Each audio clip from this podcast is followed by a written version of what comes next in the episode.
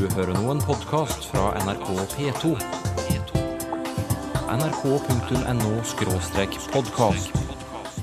Kom mann. Og da måtte jeg snu, så gikk jeg tilbake.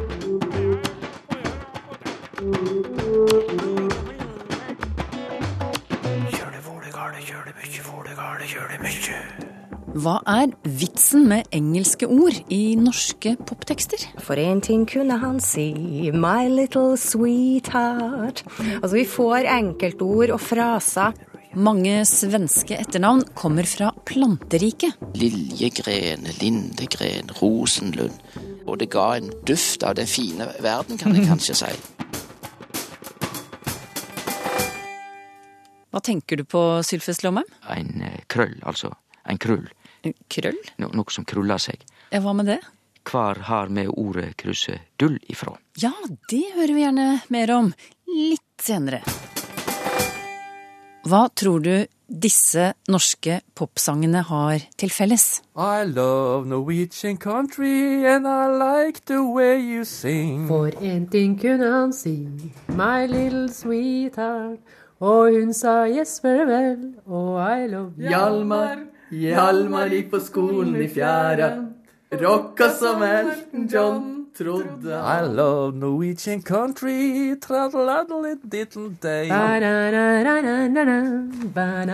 Smil, smil til et blitsregn, baby. I morgen vet alle hvem du er. På cover i et magasin. Oh. Ja, hva har de til felles? Jo, tekstene er på norsk og har innslag av engelske ord. Men hvorfor? Anjo Greenall, språkprofessor ved NTNU, hva oppnår tekstforfatteren med å putte engelske ord inn i en norsk poptekst? Ja, det kommer faktisk helt an på når teksten er skrevet. Eh, For en god del tiår siden, når vi ikke var så gode i engelsk, eh, så hadde engelske ord og uttrykk og setninger som vi putta inn norske poptekster på den måten, en helt annen funksjon enn det de har i dag, nå når folk nærmest er tospråklige med engelsk og norsk. Mm. Dette har du undersøkt, og i to innslag skal vi ta for oss hvordan bruken av engelsk i norske poptekster har endret seg fra 60-årene og fram til i dag. Den første epoken den går fra ja, 60-tallet til rundt 1990. Og hvis vi skal begynne på begynnelsen, hva syns du er et godt utgangspunkt?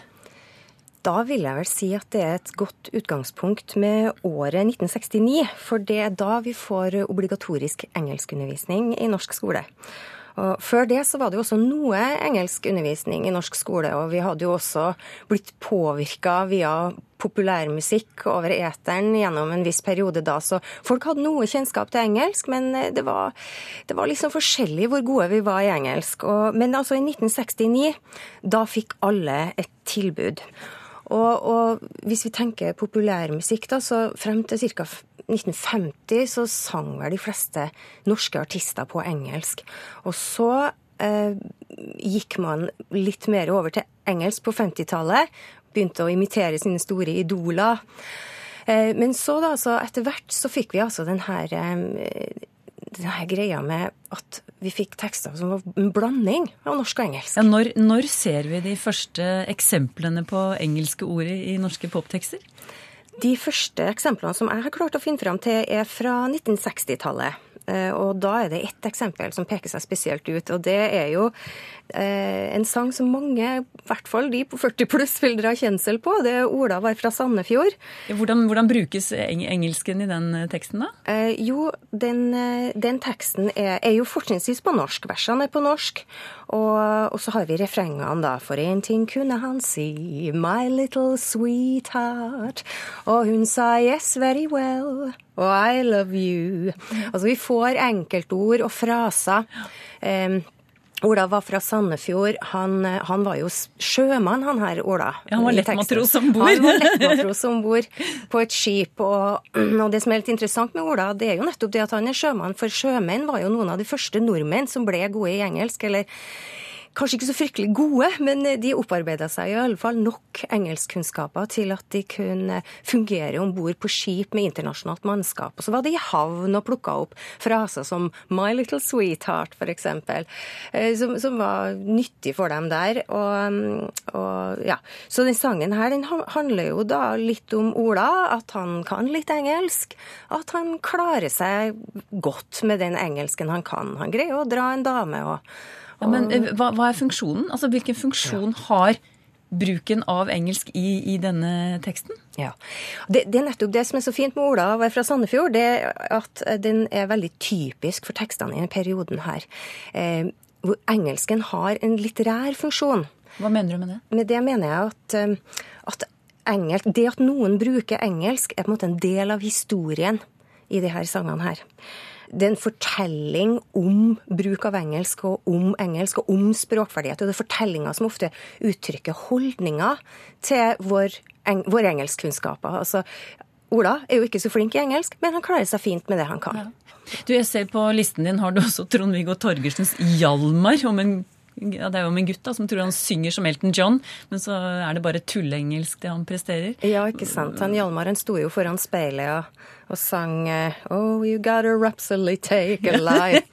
eh, veldig morsom tekst. Det her er jo en form for engelsk, selvfølgelig. Vi kjenner igjen noen ord, vi kjenner igjen noen lyder, men det var jo mange av oss som sto sånn på 70-tallet ja. med den engelsken vi hadde. Eh, og, og altså, Trond-Viggo bruker jo mye humor i tekstene sine. Dette er jo først og fremst en humoristisk tekst, men likevel, i den teksten her så kan vi også ane en slags, eh, slags kritisk holdning.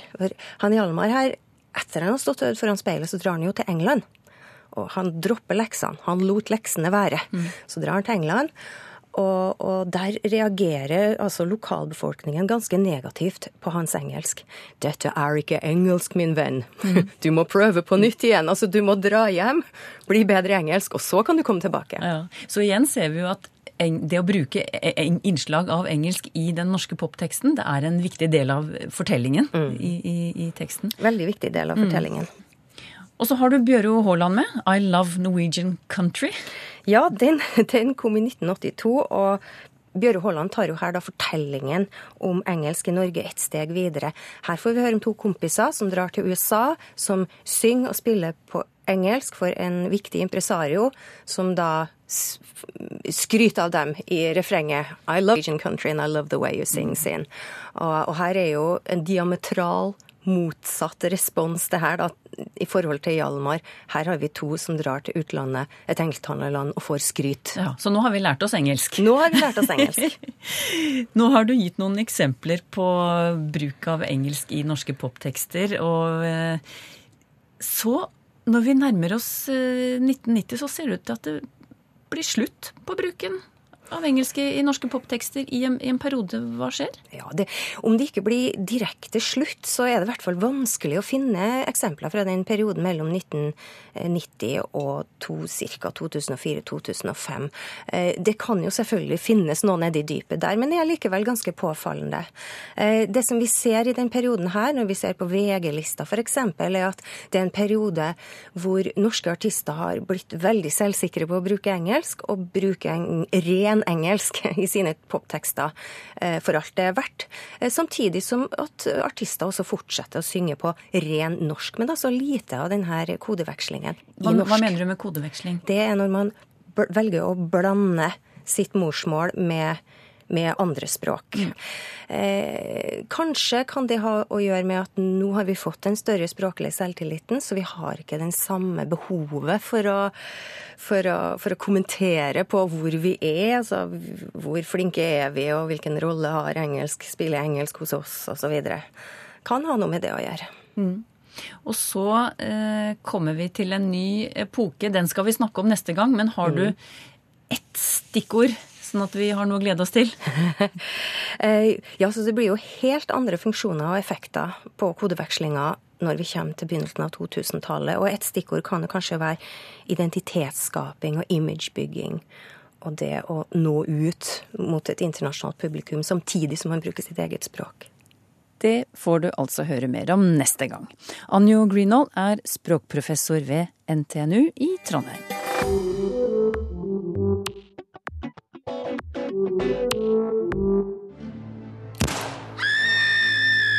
Detektimen. Er ordet detektimen et helnorsk begrep, eller er det en oversettelse, spør Vidar Kvalshaug på Twitter.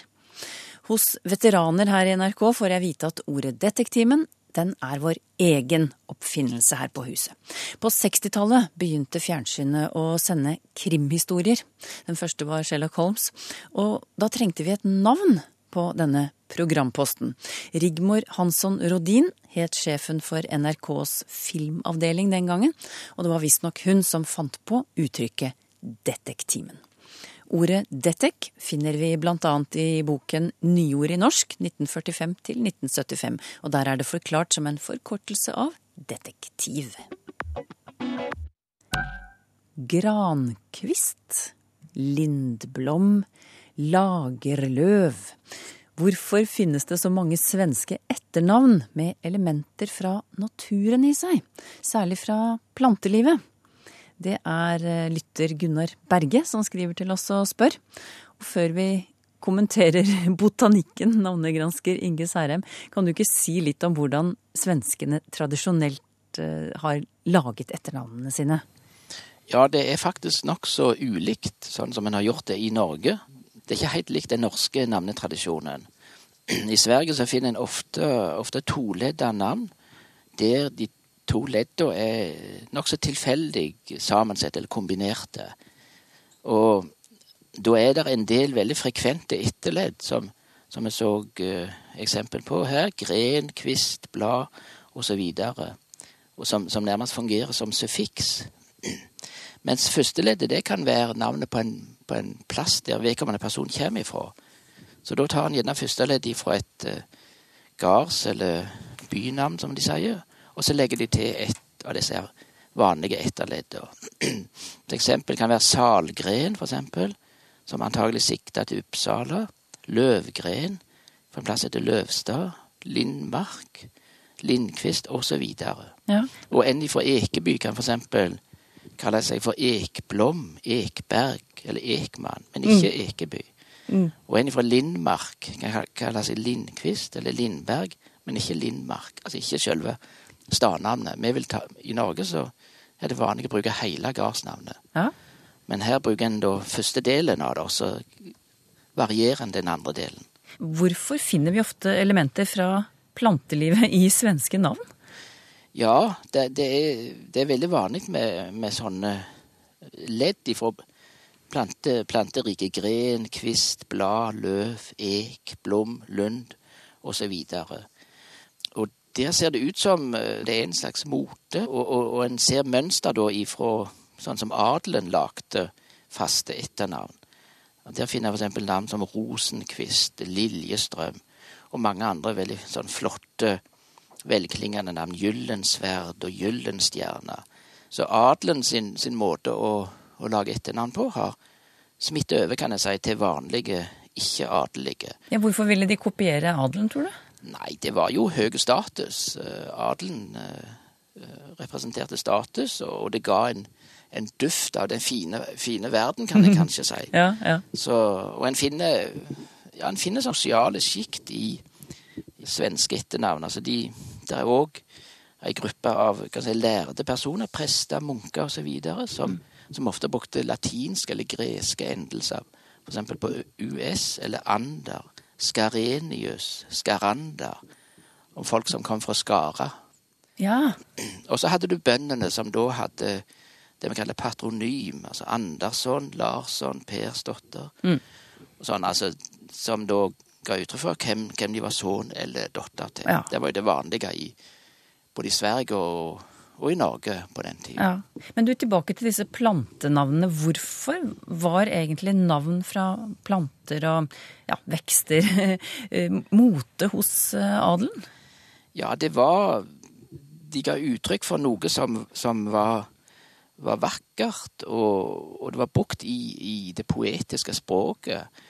Eh, en del av disse her uh, uttrykkene kan en kanskje kalle litterære sjablonger. Altså liljegren, lindegren, rosenlund.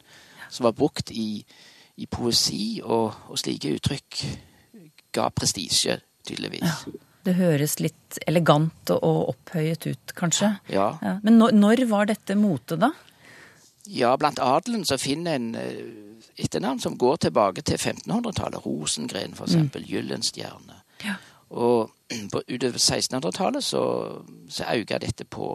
Da fikk en enda flere. Og, og ofte den kaller heraldiske navn, altså Liljestrøm, for eksempel, fra 1638. Som beskriver da et våpenskjold, altså.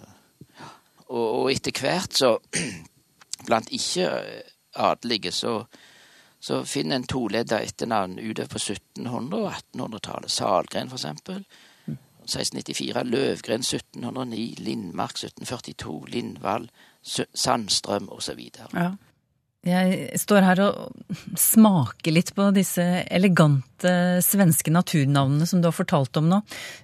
Rosenkvist, liljegren, lindblad. Og så har du de trauste norske naturnavnene som Berg, Dal, Vik. Det, det blir liksom en annen divisjon. Ja, hvis vi ser på de norske etternavnene, så har de Eller veldig mange av de har bakgrunn i et gardsnavn. Mm. det er vel en 60, mellom 60 og 70 prosent av nordmennene har, har den type navn. Men skrivemåten av de går ofte tilbake til tidligere hundre år, og andre retts, da en brukte andre rettskrivingsprinsipp. Så de kan f.eks. skrive Vik med W og to I-er, og hus med to U-er, dal og myr med H, og mo og li med en etterhengt E. Kvalbein kan jeg skrive med Q. Q-U-A-L-B-E-E-N. Og regner, akkurat det navnet er det fem ulike skrivemåter av oh, ja. som etternavn. Så, så det er skrivemåter som, eh, som representerer tidligere rettskrivingsprinsipp og, og, og som bryter med gjeldende skrivemåte av vedkommende gardsnavn eller stadnavn. For der, der skal en følge vanlige rettskrivingsprinsipp. Sa Inge Særheim, som er språkprofessor ved Universitetet i Stavanger.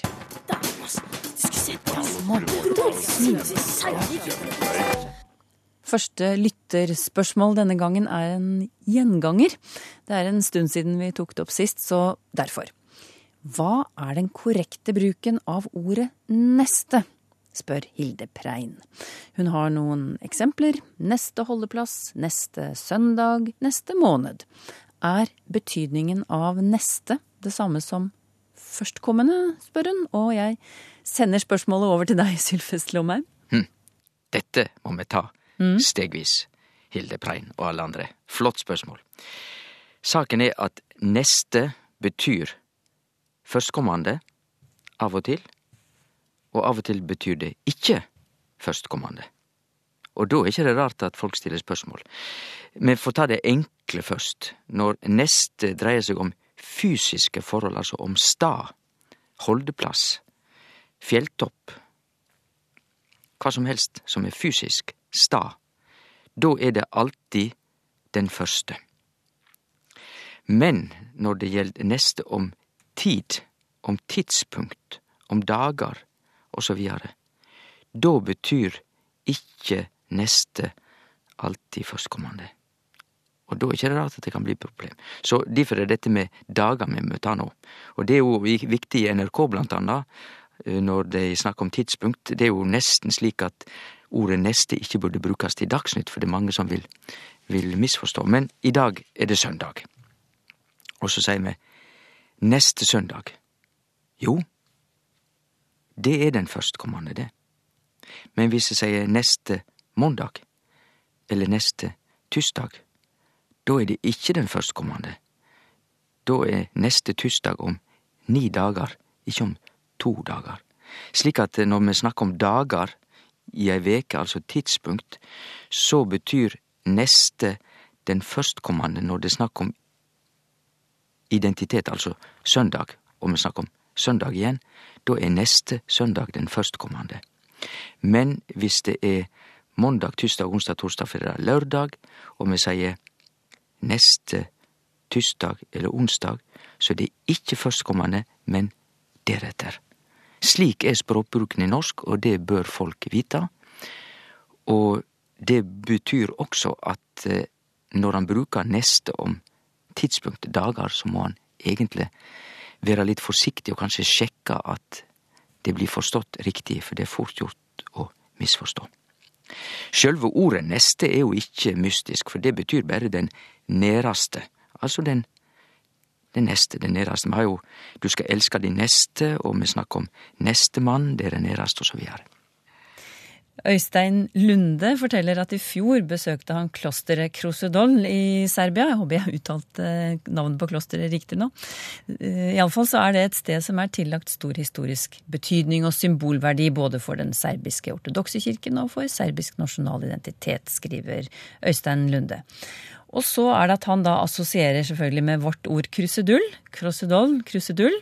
Kan språkteigen si noe om ordets opprinnelse, om det er noen felles kilde til vårt krusedull og navnet på det serbiske klosteret?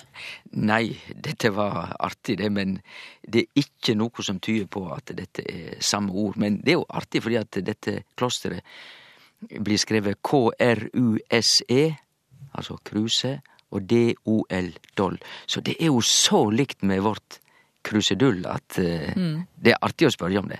Sannsynligvis ikke samband.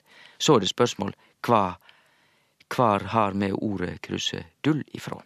Det har vi fra lenger sør, tysk, lågtysk, og eh, kruse er det samme som ein, ein eh, krøll, altså ein krull, noe som krullar seg.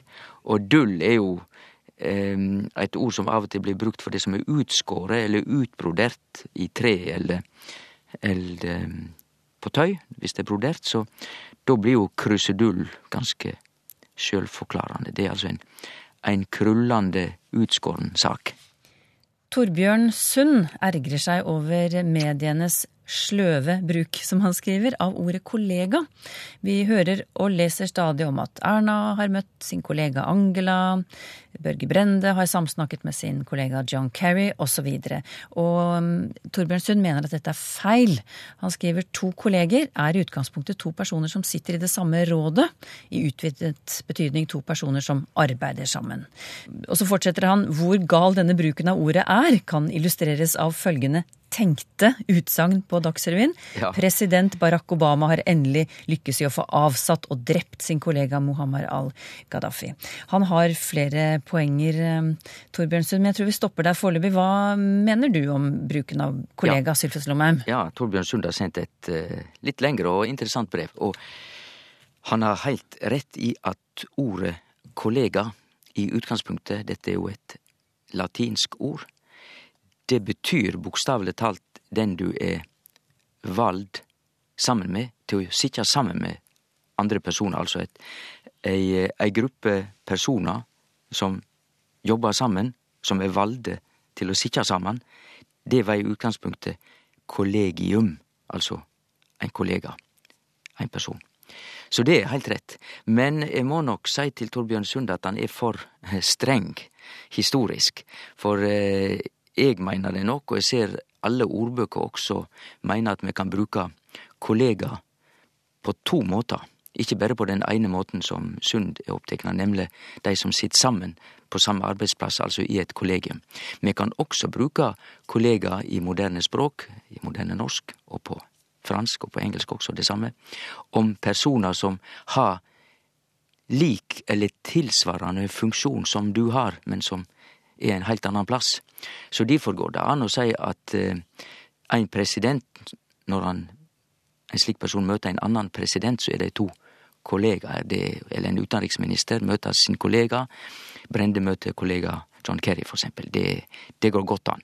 Men det, alle skjønner jo at president Obama Vi kan ikke si at han nå har lukkast eh, eh, med å få drepa kollegaen sin Gaddafi.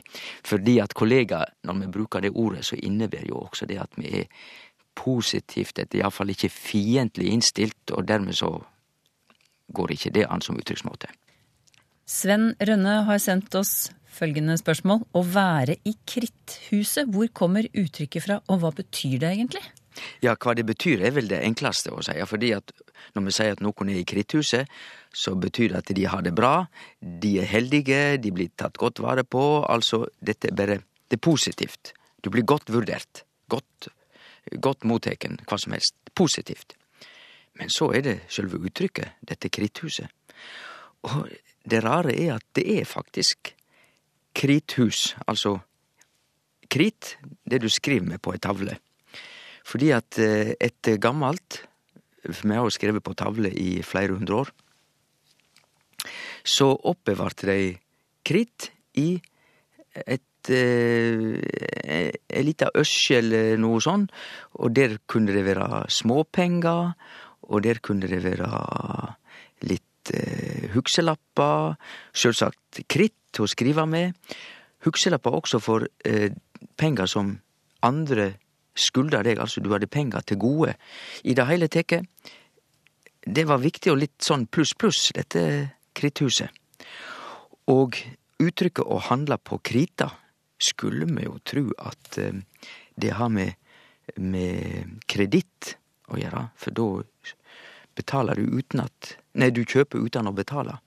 Men det skriver seg òg, visstnok, ifra krithuset, fordi at eh, hvis du handla på krita, så vart det oppbevart eh, i krithuset at du hadde gjort det, og altså at du skulda penger.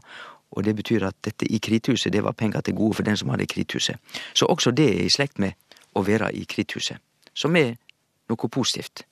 Det er pluss, dette Ja, med kritthuset? fordi jeg tenker, jeg tenker at den som, den som havnet i, i kritthuset, altså den som fikk skylde penger og lappen havnet i kritthuset, det var jo et tegn på at du var godt ansett. Ja, For hvis du ja, hadde vært en, en, Ja. sk en skurk, så var vel ingen som ville la deg skylde penger. Nei, du, Ja. det, det betyr òg at den som får handla på krita, du har helt rett i det, den nyter jo òg tillit, for ellers hadde ikke han fått lov til å handle på krita. Har du spørsmål til Språkteigen? Skriv til Teigen, krøllalfa nrk.no, eller til Språkteigen, NRK P2, 7005, Trondheim. Så finner du oss også på Twitter og på Facebook.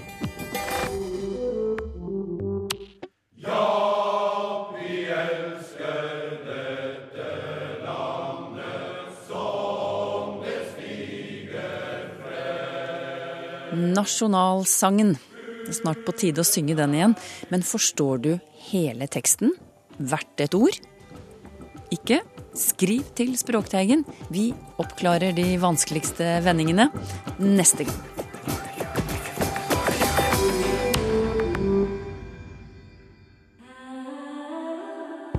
nrk.no podkast.